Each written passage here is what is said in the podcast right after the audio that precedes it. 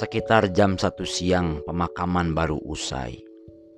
Para pelayat telah kembali ke rumah. Keranda mayat sudah kembali ke tempat biasa ia disimpan.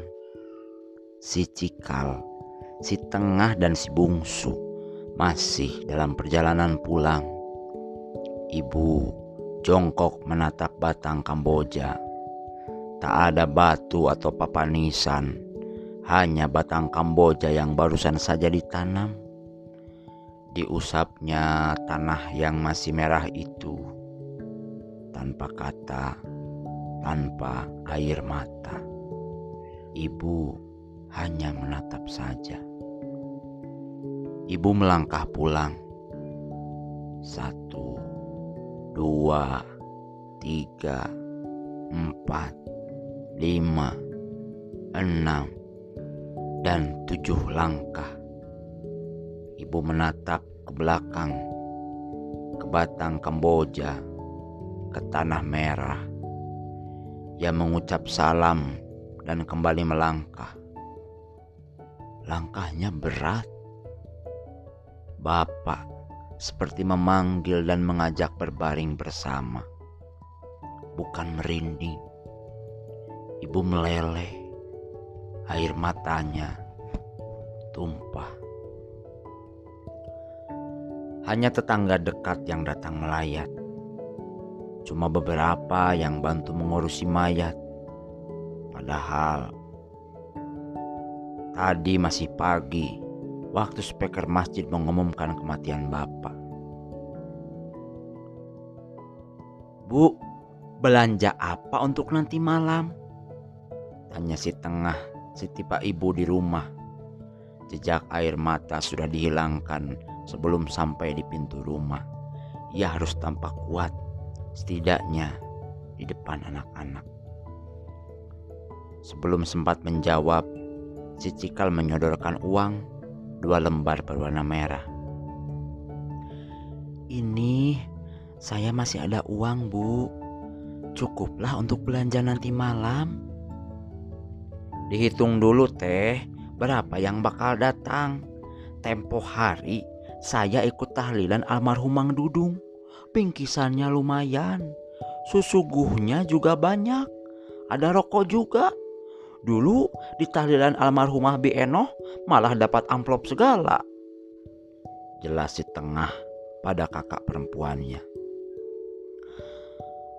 Kalau punya uang banyak, Teteh juga ingin seperti itu. Iya teh, biar bapak senang di alam sana. Si bungsu memotong. Kalau tahlilan meriah, amalnya akan sampai pada yang meninggal. Bapak bakal kebagian pahalanya. Bapak banyak yang berdoakan, begitu kata ajengan. Sambungnya, si bungsu yang masih sekolah dasar itu begitu kagum pada ajengan tempatnya mengaji. Ajengan selalu mampu menjawab segala pertanyaan yang diajukan anak-anak dan jawabannya selalu pula memuaskan. Ajengan sangat dihormati di kampung. Tapi si bungsu merasa lumayan kecewa sebab ajengan idolanya tak datang saat penguburan bapak. Padahal ia membayangkan Ajengan itulah yang akan memimpin acara pemakaman. Pasti akan khidmat, khusyuk dan dramatis bila ajengan yang memimpin, pikir si bungsu. Tapi lantaran tak hadir, terpaksa Pak RT yang memimpin. Pembacaan doa terasa lebih singkat dan formal. Si bungsu harus mengubur harapannya dalam-dalam Uang dari pelayat masih ada kan? Habis buat bayar yang menggali dan bayar Pak RT. Ibu keluar kamar dan menyela si tengah sebelum si Cikal menjawab. Suaranya berat, matanya tajam menatap karpet butut tempat jasad bapak tergeletak tadi pagi. Saya ke pasar dulu bu, mumpung masih siang. Ayo, keburu pada tutup. Sudah satu jam di pasar, Si Cikal dan si Tengah belum menjinjing apa pun. Toko-toko sebagian sudah tutup. Bingung. Demikianlah mereka berdua.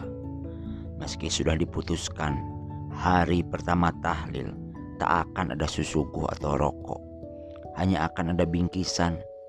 50 disisihkan buat amplop ajengan sebagai pimpinan tahlil.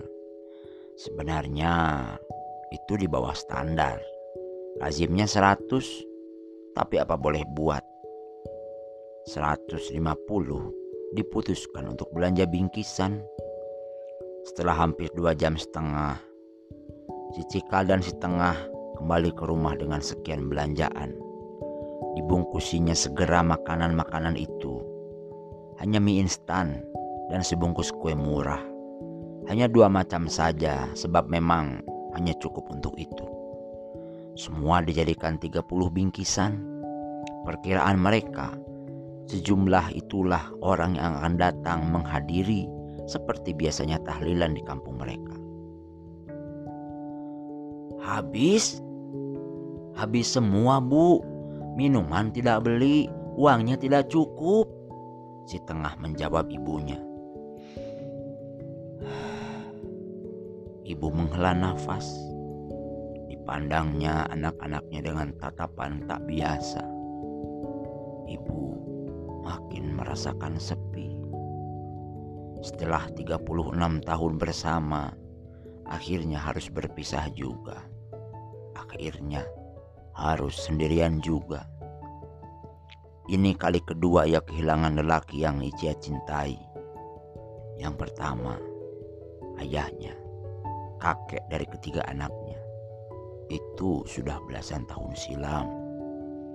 Waktu kakek meninggal, situasinya tidak seberat ini. Tiga hari setelah meninggal, keluarga si mayat tidak dibolehkan memasak. Makanan dan kebutuhan lain dikirim tetangga. Tahlil di kampung selalu ramai oleh makanan pemberian tetangga. Almarhum Ceengkar pernah mengirim semur ayam buat para pelayat yang ikut tahlilan kakek.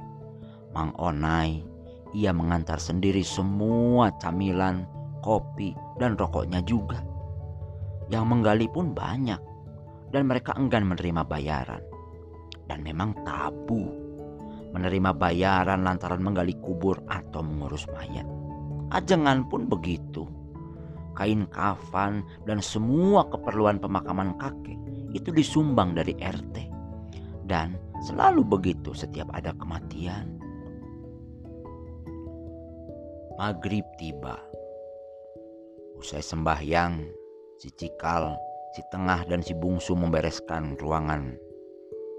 Tetangga akan segera tiba. Tikar tambahan digelar sebab karpet butut itu tak akan muat menampung 30 orang.